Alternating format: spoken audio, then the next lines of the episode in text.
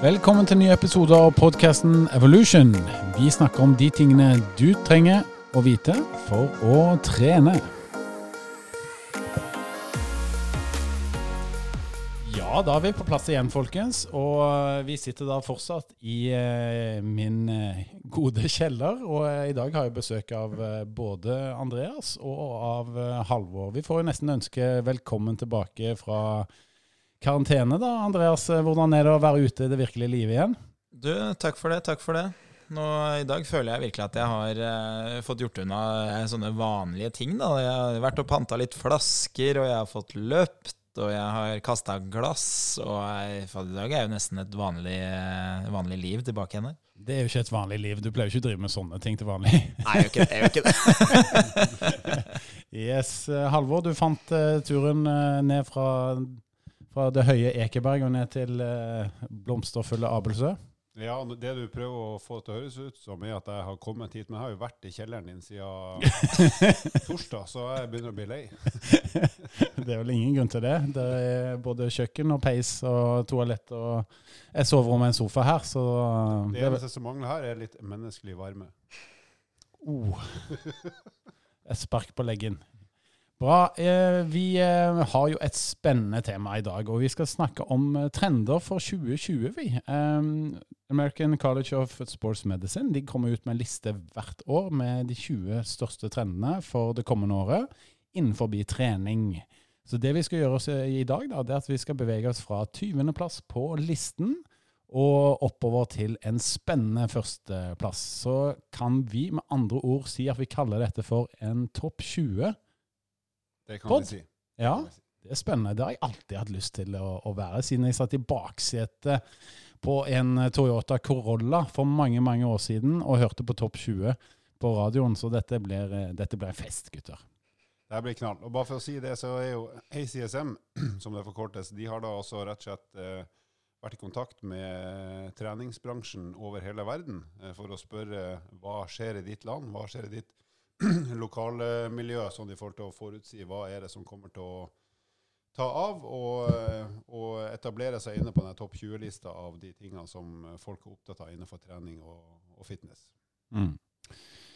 Ja, vi, vi, før vi går så langt, så var jo du eh, Treningssentrene er jo stengt eh, i disse dager. Så eh, du og meg, Halvor, vi brukte jo fredagen på å være på, på EVO sitt treningssenter på Nydalen. Ommøblere litt. Eh, vi driver og pusser opp litt der. Og det er ikke sånn at eh, vi heller kan trene inn på treningssenteret, men vi benytter anledningen til å gjøre to ting. Eh, jeg gjorde en pullups-test og en eh, brystpress-test. Eh, og det gjorde jeg fordi at jeg skal teste en gang i kvartalet om eh, jeg blir svakere, da, nå som jeg ikke trener styrke i hele 2020. Du som var testleder, Halvor, vil du fortelle omverdenen hvordan dette gikk? Nei, jeg vil egentlig ikke det, men siden vi er på en podkast, så er jeg nødt. Så det skuffende, nedslående resultatet var at du er nesten akkurat like sterk som du var i desember. Og fortsatt betydelig sterkere enn eh, meg, både i pullups og i brystpress. Så han eh, jazza på, han bånda magasinet i brystpressen og kjørte åtte reps. På 120 kilo? 120 kilo. Eh, der kan jeg si at der ligger jeg på tre reps på 90, og da er jeg kokt. Og på pullup så hadde han eh, 22 godkjente, og det var et håndtak som var vondt, så jeg tror du hadde med kniven på strupen og et par andre ting både her og der, så hadde du klart 5-26, og det er nesten like bra som i desember. Så egentlig veldig trist og nedslående for oss som prøver å trene og bli sterkere hver dag. Det er veldig bra. Jeg, eh, tror jeg gir meg for i dag, jeg. Nei men det var jo spennende. Og, men Andreas, du har jo en teori om at dette er ikke så bra som det egentlig ser ut som. Har du ikke det? det høres jo vel strengt ut, da. Men mm -hmm. uh, nei, vi snakka jo litt om det, og jeg tror jo kanskje at eh, det man ser tegn til, er jo at eh, du har hatt ganske bra styrke. Du har trent eh, eh, veldig mye over mange år. Eh, og det man kan se en tendens til, det er jo at man klarer å opprettholde maksstyrken sin en periode, men at eh, den styrken som du kunne hatt hvis du skulle gjennomført, eh, gjennomført flere serier, den, eh, den er nok eh, litt svekka. Men det får man jo ikke på en sånn test. Så hvis du f.eks. skulle tatt fem serier med maks, så ville man kanskje sett at du hadde tatt mer nå enn det du gjorde da for, eh, for et halvt år siden, eller for et kvart år siden. Mm. Men det vi snakket om, Halvor, det er jo liksom dette med å være genetisk eh, disponert. da. For uh, gjerne styrketrening, eller ikke styrketrening, men heller utholdenhetstrening. Fordi at uh, jeg prøver å løpe en del. Men uh, det er ganske vanskelig for meg å bli liksom, å ta neste nivå på den løpingen. Altså. Jeg, jeg syns, syns det er vanskelig. Men hvis, vi tror jo at hvis du hadde kjørt samme mengde med løping som det jeg har gjort siste månedene og siste årene, så hadde du prestert mye bedre enn det jeg klarer. Og kan du fortelle litt, litt om dette med å være genetisk disponert for gjerne forskjellige aktiviteter? Ja, det er jo litt sånn, Nummer én, så, særlig i forhold til styrketrening, så har det jo litt å si hvordan er skjelettet ditt laga. Altså hvor lang er overarmsbeinet ditt og uh, diverse ledd og sånn. Knokkelengde. Og det er på en måte ting du ikke verken skal gjøre noe med eller får gjort noe med. Men det kan forklare at noen f.eks. kan være fryktelig god i knebøy og kanskje ikke så god i markløft. og en del sånne kall det benchmark-øvelser som, som, uh, som vi bruker når vi trener styrke. Og så går det på det her med muskelkvalitet eller egenskaper i muskulatur. Der eh, er det grunn til å tro at vi eh, har et snev av medfødt talent, eh, talent eller disposisjon for å kunne respondere godt eller dårlig på ulike ting. Sånn at selv om jeg er dårlig i det meste, så har jeg åpenbart genet, en genetisk disposisjon for å, å, få mer utbytte eller mer fremgang i kondisjonsaktiviteter enn i styrkeaktiviteter. Så jeg må jobbe som en hest for å bli litt sterkere, og da er jeg fortsatt veik. Mens hvis jeg legger ned en stor mengde kondisjonstrening, så responderer jeg mye bedre på det sammenlignet med styrketrening for min egen del. Mm. Kan vi si det samme om deg, Andreas? Er du litt lik eh, Halvor der, eller?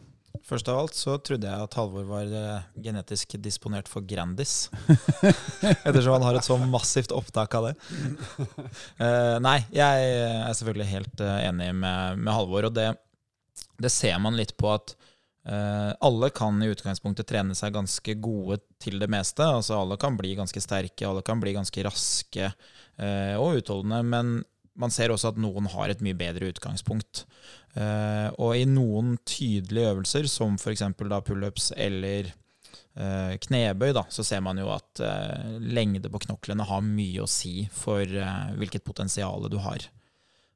og så vil det jo være sånn at noen er ofte litt sterkere enn andre. De, de, tar til seg trening kanskje litt bedre, og gjennom det har et bedre utgangspunkt. Uh, og det har jeg jo selv opplevd òg, at i en del øvelser som, som, jeg kanskje var veldig veldig svak i når jeg var 15-16 eh, år, som jeg har trent veldig mye for å bli god i de øvelsene. Mens i andre ting, f.eks. løping, da, som jeg hadde gjort veldig mye når jeg var barn, det kan jeg gjøre veldig lite og fortsette å opprettholde veldig godt nivå.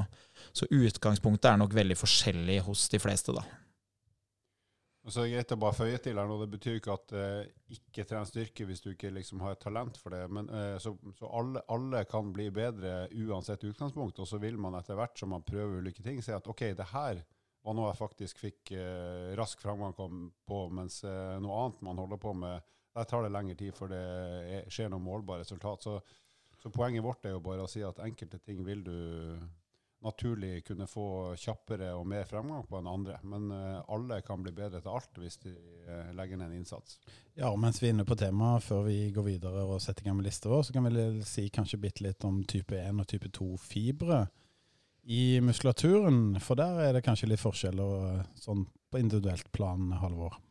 Ja, sånn, øh, hvis du ser grovt på det, så har mennesket selvfølgelig bøttevis av muskelceller overalt. Øh, I alle ledd der vi skal skape bevegelse. Og det som vi kan kalle utholdende muskelceller, eller muskelfiber, eller muskulatur, det er jo da muskelceller som ikke utvikler nødvendigvis så veldig mye kraft, men som har evnen til å utvikle en del kraft over fryktelig lang tid.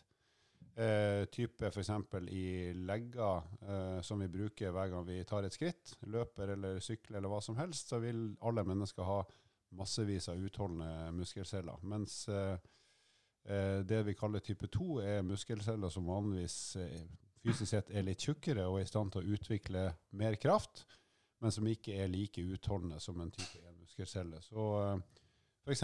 de fleste vil i brystmuskulaturen kanskje ha en ganske stor andel av type 2-celler som de bruker en sjelden gang når de f.eks. løfter, løfter benkpress, brystpress, men som stort sett er i ro ellers fordi at man bruker det lite i hverdagen. Mm. Jeg kan si uh, at uh, når jeg spilte fotball en gang i tiden, og ja, som de fleste av oss tre iallfall, var relativt god på juniornivå, junior så var jeg veldig rask i den tiden der.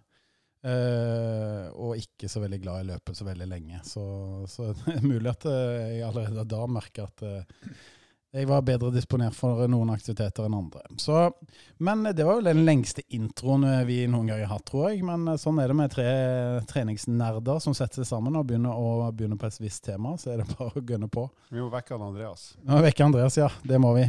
Vi skal sette i gang med topp 20-lista vår, og på 20.-plass eh, på treningstrender for 2020 så har vi banetrening.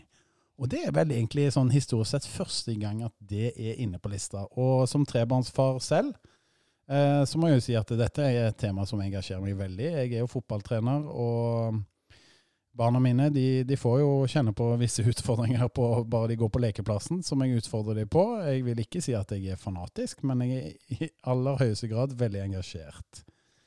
Halvor, du er jo òg trebarnsfar, og du har vært det noen få år lenger enn meg, så dine barn har rukket å bli litt større. Så du har eh, om mulig enda mer erfaring, mer erfaring enn meg på temaet.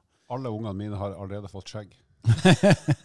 Også de to døtrene mine. Vil du, si, vil du si litt om hvordan du engasjerer barna dine med barnetrening? Ja, altså bare først så er det her trening for barn det er jo i sånn treningssenterregi. Eh, så Mm. trening for barn og unge i idretten har jo vært i årevis og skal selvfølgelig bli det fortsatt. Men eh, hjemme hos oss så har vi nå har vi et par skiløpere og et par fotballspillere og en hockeyspiller, så de fleste eller alle tre driver med én til to regelmessige aktiviteter sjøl. Men sånn som livet er akkurat nå, så må vi jo prøve å få de i aktivitet uavhengig av den organiserte idretten, av naturlige årsaker. Så da har vi sånn at min samboer er ute og springer en tur med sønnen vår, eh, og legger inn diverse hopp og sprett og intervaller og pauser og det som skal til for at det skal være artig nok til at han eh, gidder å holde på. Eh, og så har vi hun eldste, hun er nå veldig dedikert for å bli god til å løpe og gå på ski, så hun bruker tredemølla i kjelleren, eller stakemaskinen i kjelleren eh, hver kveld, og da pleier jeg å sitte og trø på sykkelen samtidig for å både følge med og heie på og for å få trent sjøl. Så, har treningssenteret i kjelleren til Halvor det er ikke stengt for Det er øyeblikket. ikke stengt, det er ikke stengt men det er ikke mer enn 50 pers der samtidig. og så har vi jo midterste, og Maria hun er da fotballspiller, og hun har et løpstalent og er ganske akrobatisk, så hun hopper mye på trampolina, og så blir det en del happing med ball, og også litt eh, løping, men løping er kanskje ikke det kuleste hun syns. Så der blir det veldig raske, korte drag. Ja. Absolutt en veldig aktiv familie, og det er jo mine òg. Men eh, vi, eh, vi ser jo da en trend i Norge i dag, at vi begynner å få de første treningssentrene for barn som begynner å åpne rundt omkring. Og det er en veldig spennende utvikling. Eh, vi har jo f.eks. et senter nede i Arendal, er det vel, med en veldig dedikert kar som jobber der. Ronny Holmen. Ronny Holmen, som driver et eh, senter for barn. Og så er det sikkert mange som lurer på hæ, kan barn trene styrke? Og kan de det? Andreas, du er jo barnløs eh, foreløpig, men eh, du har kanskje litt innspill på temaet likevel? Ja, det, det har jo endra seg litt de siste årene. Da, for eh, når jeg var ung, så var det veldig sånn fy-fy å drive styrketrening for barn. Eh, Det var nesten allmenn kjent at eh, hvis du som barn trente styrke, så ville du risikere å bli kort hvis du trente med vekter. Da ville ikke vekstprosessen fortsette. Eh, Men det man ser eh, de siste årene nå, er at en del studier viser at det, det er nesten ikke noe fare for barn å trene eh, mye. Gjerne ikke overdrevent mye, da, men det er heller ikke noe fare å trene styrke. Men det man bør ta med i beregninga, det er at barn skal jo i tillegg vokse, så de trenger en del ekstra næring. Og så trenger de ganske mye hvile, fordi det koster mye å, å skulle bli større. Altså alle, alle cellene skal jo eh, Det skal bli flere celler, da, og du skal i tillegg eh, sørge for at knoklene dine blir litt lengre. Så, så det å gi rikelig med hvile, det, det er viktig. Men det, hvis du skal ha et fokus da, i, i barneåra, så er jo det ofte på, på bevegelighet, det å bli kjent med kroppen, bevegelser. Eh, og Det er jo derfor det ofte snakkes om at turen er en veldig bra ting å drive med når du er barn. Da. Det sørger for at du blir kjent med kroppen, og det er jo kanskje det viktigste å ta med seg, for det ser vi jo når vi trener voksne mennesker, at de har jo da levd et, eh, et langt liv, kanskje 40 år, uten at de egentlig noen gang har hatt kontroll på bekkenet sitt. De har kanskje ikke kontroll på skulderbladene. Så hvis du hadde gjort det som barn, så hadde du hatt med deg det hele veien. Og da hadde du kanskje sluppet en del belastningsskader. Det høres ut som meg, det der. Det gjør det. Ja. Altså alt jeg ikke har gjort, men burde gjort. Ikke sant? Og så har du gjerne det mentale aspektet. Det, hvis du først får aktive unger, så er disse barna ofte veldig glad i aktivitetene selv. Så um, det, det må jeg jo si at eh, hvis man først får barna til å bli aktive, så er det gjerne noe som følger dem gjennom hele livet. da. Ja, og det har man sett som et sterkt kriterium for å bli god i utholdenhetsidrett. Eh, Når man da er i 20-årene, så må du nødvendigvis ha hatt et høyt oksygenopptak når du var eh, tenåring. Så eh, det å trene eh, barn, altså utenom de vil det eller om de vil det- de bør egentlig være veldig fysisk aktive som barn, fordi det er det de kommer til å høste av når de blir eldre. Mm. Og som sagt, det engasjerer barna veldig. Vi sitter jo her hjemme nå i disse koronatider. Og eh, meg og barna mine vi fikk jo låne det utstyret her som vi bruker nå. Så vi lagde en hjemmesnekra podkast som heter Aktive barn, for å prøve å få barn da til å, til å være aktive disse dager. Så det drev vi, med på hele søndagen her. Men vi skal bevege oss et eh, punkt videre. Jeg kan bare si det at eh, jeg, jeg tipper nok at i de kommende årene så kommer vi til å se en oppblomstring, av treningssentre for barn. Også. Så eh, kanskje i likhet med å dra på turning på tirsdager og fotball på onsdager osv., så, videre, så kanskje man får da eh, gruppetrening slash sirkeltrening for barn. Ja, og til de som, eh, som syns kanskje det høres litt skummelt ut, så husk at de som skal drive med det her, de er opplært. De, de har faktisk måttet ta utdannelse i det. Mens eh, de som trener barn i dag, de eh, gjør jo det i stor grad på frivillig basis. Mm. Så, så selv om det høres litt skummelt ut, så trenger det ikke nødvendigvis å være farlig for barn. Well put. Da går vi videre til nummer 19 på lista, og den skal vi ikke stoppe eller dvele med. Det er måling og testing, som er da eh, er 19. mest trendy på lista vår av eh, topp 20 trender for 2020. Og så har vi bedriftstrening, eller bedriftshelsetrening, på 18. plass. Og så går vi videre til 17. plass, og der, eh, den skal vi stoppe og snakke litt om. Det er sirkeltrening. Og sirkeltrening, der har jo du eh, god del erfaring som, eh, som en erfaren personlig trener, eh, unge herr eh, Skjetne.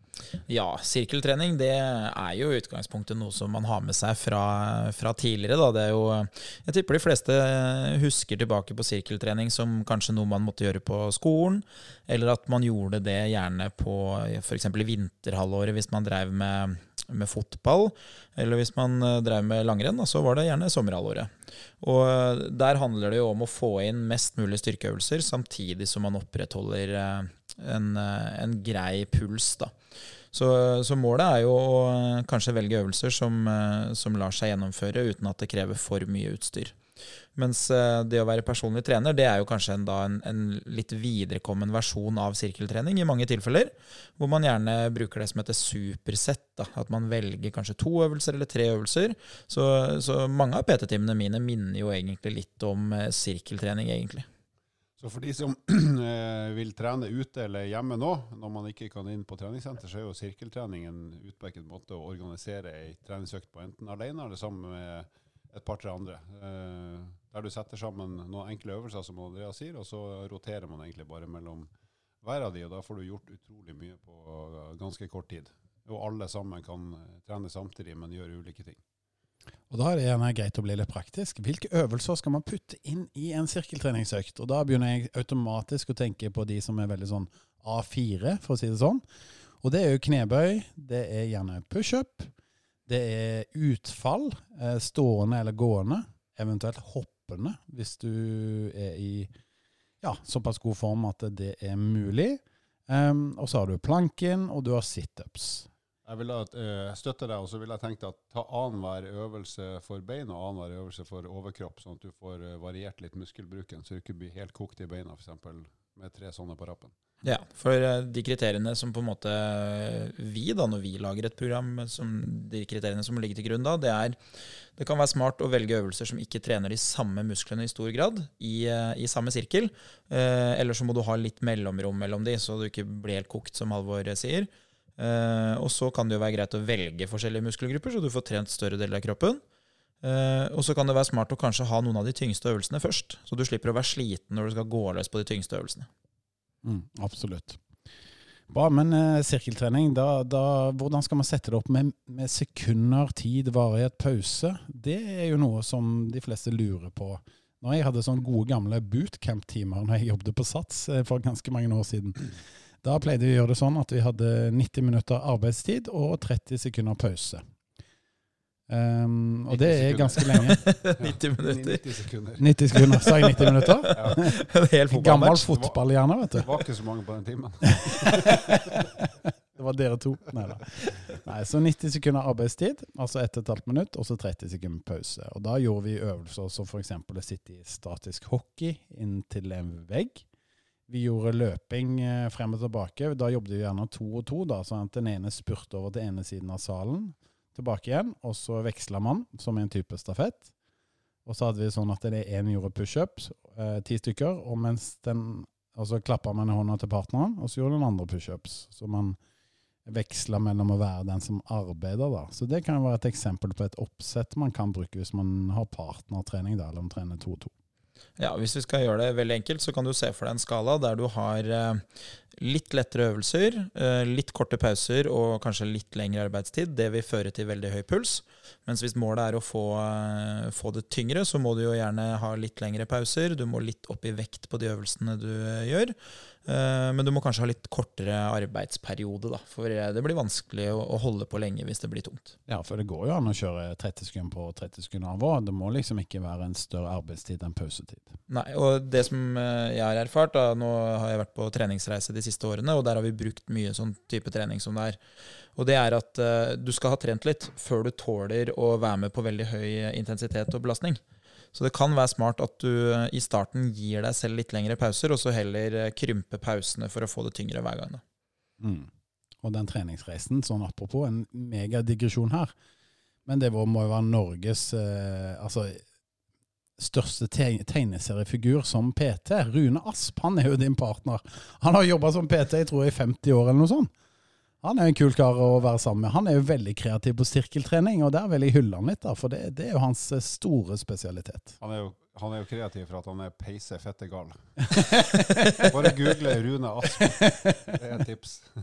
Han er virkelig en, en eh, artig kar å være sammen med. Jeg bor jo på rom med han i, i en uke. Og det som er veldig morsomt, er at Rune er, eh, selv om han er litt bråkjekk, og sånn, så er han egentlig ganske ydmyk.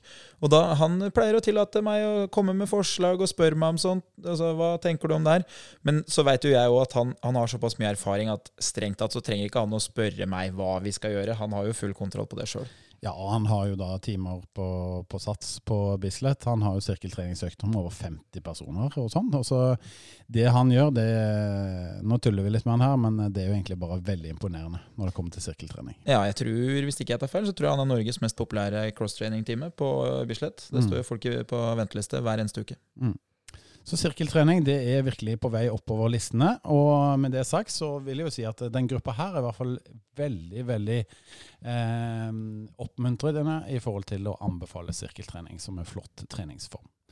Vi går videre til 16.-plass på lista, og vi skal stoppe litt der òg. Det er trening mot livsstilssykdommer, og der er vel kanskje du den som er størst ekspert av oss tre på det området. Hvis vi skal ha en pall her, så ville jeg kanskje satt deg på førsteplass, Halvor. Jeg har jo alle livsstilssykdommene sjøl, så jeg jobber meg gjennom dem.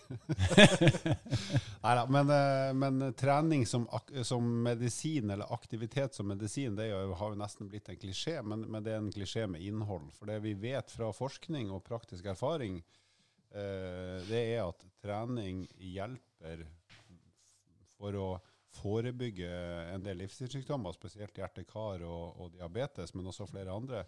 Og det kan også til og med delvis eh, behandle en del eh, problematikk. Så f.eks. har du fått påvist diabetes type 2, begynner å bevege deg mer, kanskje trene litt målretta kondisjonstrening tilpassa ditt nivå, så, så vet vi at da vil verdiene dine normaliseres og kunne gå tilbake igjen, eh, sånn at du faktisk ikke lenger er en diabetiker type 2.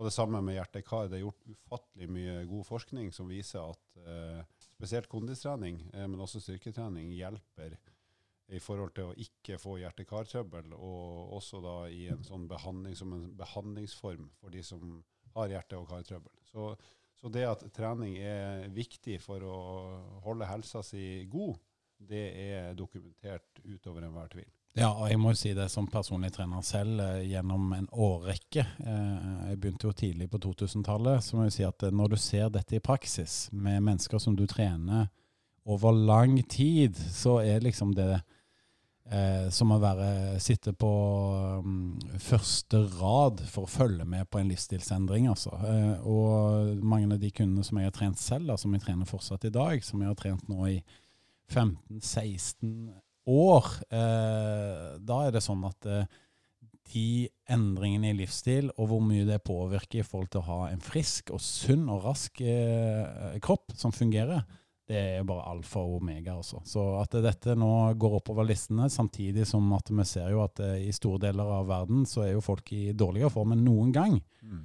Det er jo kanskje da ikke overraskende sett fra et, liksom, et større perspektiv. Og det fine er jo at hvis du begynner å trene og har en smart treningsplan som ikke er veldig svær eller vanskelig, så vil du utrolig fort merke at oi, det her blir jo bedre og bedre.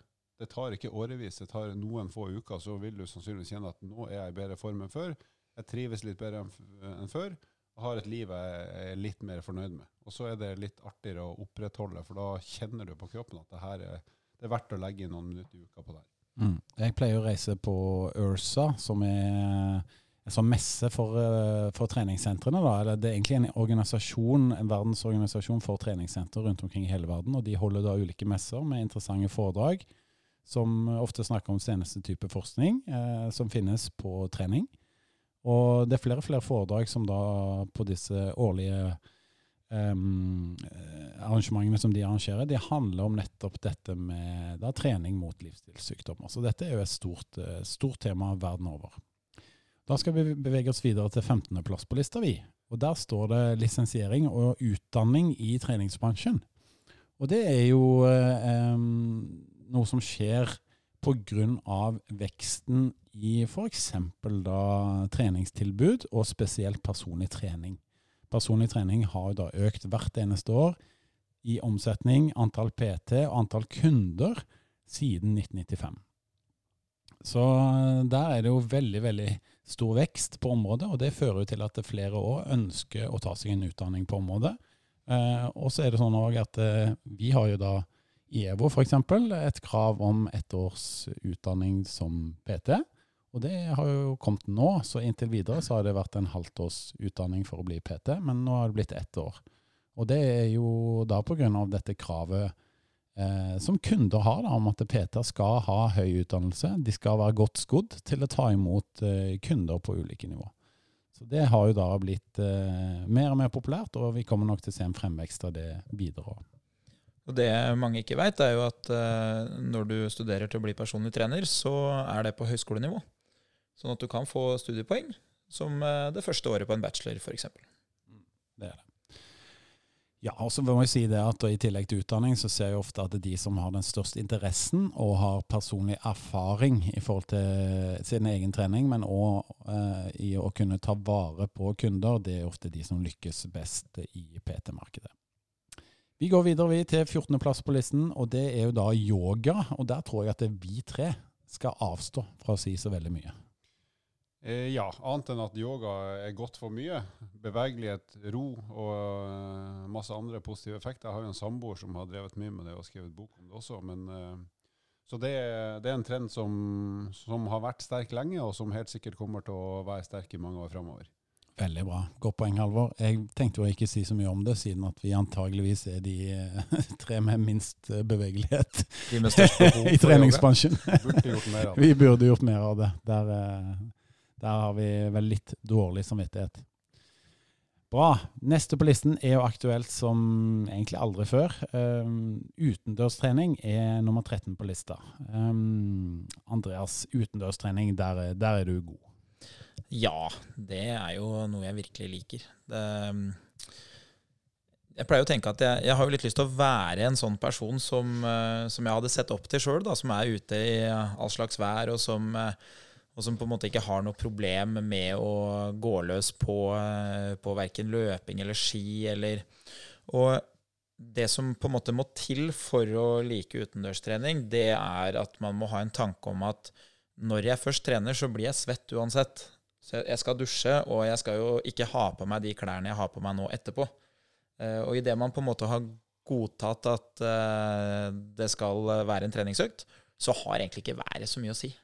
Og da er det, det er veldig lett å trene utendørs. Det er alltid tilgjengelig. Og det er nok kanskje det stedet hvor du kan få eh, de beste opplevelsene sånn utenfor eh, akkurat det som handler om trening, da.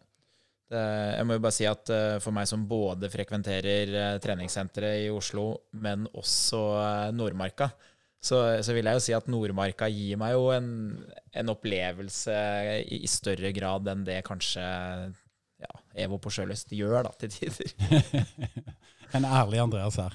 Ja, jeg må si når du sier det med at været egentlig ikke er så viktig, og det, jeg er nok kanskje den av oss tre som er mest glad i klisjeer, men eh, jeg tror nok de fleste av oss eh, kan kjenne oss igjen i at hvis du tenker tilbake på en økt hvor du virkelig følte mestring fra, så kan jeg nesten eh, garantere at det var en økt hvor det gjerne regna og det var dårlig vær, og du tenkte ah, i dag orker jeg ikke, men så gjorde du det likevel. Og når du kom hjem, så var det bare tidenes godfølelse. Ja, definitivt. Jeg var jo ute i, i går kveld også. Da regna det ikke, da, men da var det ganske bra med vind. Og jeg har jo hatt noen økter i vind nå hvor det har skilt kanskje så mye som 30-40% i tid på 1000 meter i medvind og motvind. Andreas, jeg nekter å tro at dere har hatt over 10 sekundmeter vind i Nittedal. Nittedal er jo nord-sør, så der blåser det jo hver dag. Du snakker med en nordlending her og en uh, sørvestlending. Vi har opplevd vind, det har ikke du. Det har bare vært sol i Nord-Norge. Jeg har vært her. Jeg oppfant vedstilen i motvind på russergrensa. Vår eminente produser Peter Sobekk har gitt meg noen lyder jeg kan spille på her, som vert. Der kom eh, behovet for den ene. Veldig bra.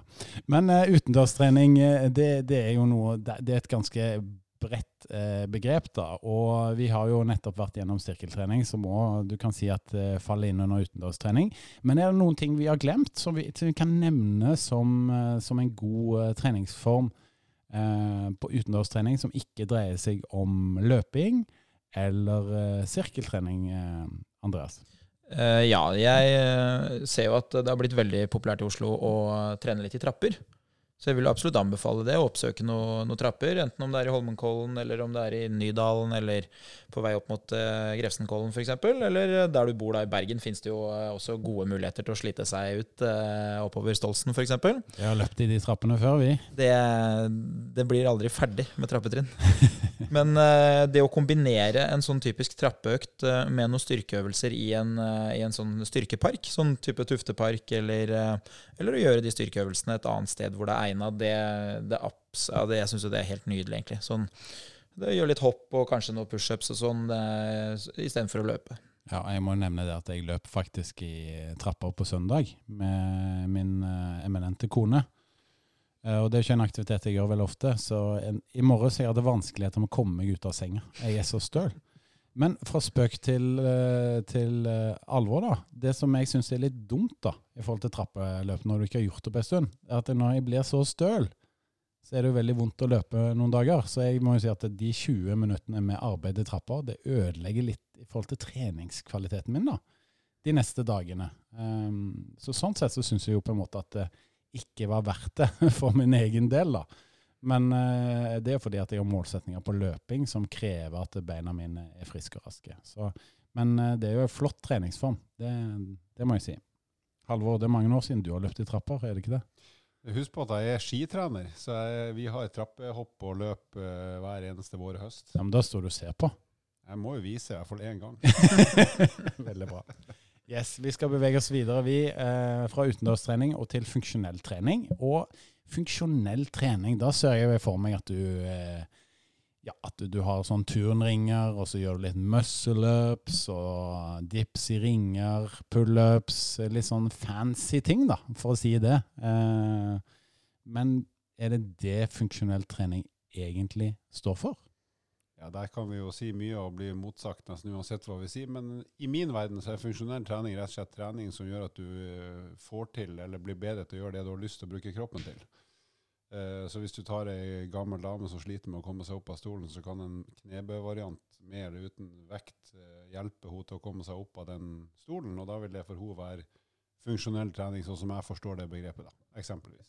Jeg tror jo kanskje akkurat det med funksjonell trening, det har, det har, det har blitt så trendy da, at det har bare sklidd helt ut av eh, proporsjoner, da, hva det egentlig eh, i utgangspunktet var ment å være. Eh, I min verden så vil jo kanskje de mest funksjonelle øvelsene for et vanlig menneske være eh, markløft, fordi du er nødt til å løfte en del ting. Så du bør ha mulighet til å trene på en litt høyere belastning enn det du gjør til vanlig. Og det å innarbeide en, en fornuftig teknikk hvor muskulaturen bidrar, det er smart. Uh, type knebøy hvor du blir sterk nok i låra, knæra, uh, rumpa til å bære egen kroppsvekt. Det vil jeg si at er veldig funksjonelt. Mens uh, det å evne å turne litt i ringer og gjøre en del sånne andre superfunksjonelle øvelser da, som man ser ofte på treningssenteret, det, det, det, er jo veldig gøy, og jeg støtter jo at trening i seg selv skal gi motivasjon. Men det er kanskje ikke så veldig funksjonelt for veldig mange som lever et uh, helt ordinært liv. da. Ja, altså Hvis vi drar litt tilbake igjen da, og prøver å gjøre så enkelt som mulig, så kan vi si trening for funksjon. Ikke sant? At du gjør noe for å bli god i noe. Og Da er det jo tett opp mot begrepet som heter spesifisitet, ikke sant? som et av treningsprinsippene. Som da dreier seg om at du må trene det som du ønsker å bli god i. Så Hvis jeg ønsker å bli god til å løpe, så må jeg løpe. Eh, hvis jeg ønsker å bli god til å sykle, så må jeg sykle. Og hvis det er benkpress som er det viktigste for meg, så må jeg trene benkpress. Fint. Vi skal ta det siste punktet på lista nå. Eh, og det er jo da punkt nummer 11. Og det er trening for vektreduksjon. Og det er jo et tema som vi tre virkelig brenner for, fordi at vi er opptatt av folkehelse trening for vektreduksjon. Hvorfor er det sånn at det ligger og kjemper såpass høyt opp på lista som en ellevteplass eh, her Laustad? Det er som du sier, at det er jo et eh, hva skal man si, det, det, er mange mennesker som har et helsemessig behov for å gå ned i vekt og, og kontrollere vekt. Eh, så Derfor kan du si at jo flere som sliter med det, jo større blir det behovet. Eh, så Derfor kommer den til å ligge høyt oppe på de her listene tror jeg, i veldig mange år. Eh, og Samtidig så er det, skal man si at ja, det blir flere og flere som blir uh, tung og treg. Uh, det er jo trist. Men samtidig så er det da flere og flere også som kommer seg ut av det, som får hjelp til å trene, få en bedre form, få bedre helse og få et, eh, kanskje et litt mer energirikt og, og, og, godt liv, som er prega av en, en, form som gjør at du kan gjøre det du har lyst til å gjøre i livet ditt, da, og ikke bli begrensa av det. Så jeg som dere andre også, jeg blir veldig motivert av å hjelpe, å, unnskyld, hjelpe, folk til å komme i en form som gjør at de får, får, gjort det de har lyst til å gjøre i livet sitt. Ikke bli begrensa av det, men rett og slett eh, få muligheten til å gjøre de tingene de vil for at de er i form til å gjøre det. Mm. Veldig, veldig bra. Med det sagt så tror jeg at vi skal avslutte for i dag. Eh, vi har da gått gjennom eh, lista fra 20.-plass og helt opp til 11.-plass. Og i neste episode så skal vi gyve løs på de ti fremste trendene for eh, aktivitet og trening for året 2020. Så med det sagt så er det snart Andreas sin tur til å si sayonara. Sayonara. Husk å abonnere på podkasten på Spotify eller på iTunes. Og husk på det, fortsett å sende inn gode spørsmål på EvoFitness sin Instagram eller på Facebook. Til neste gang, god trening!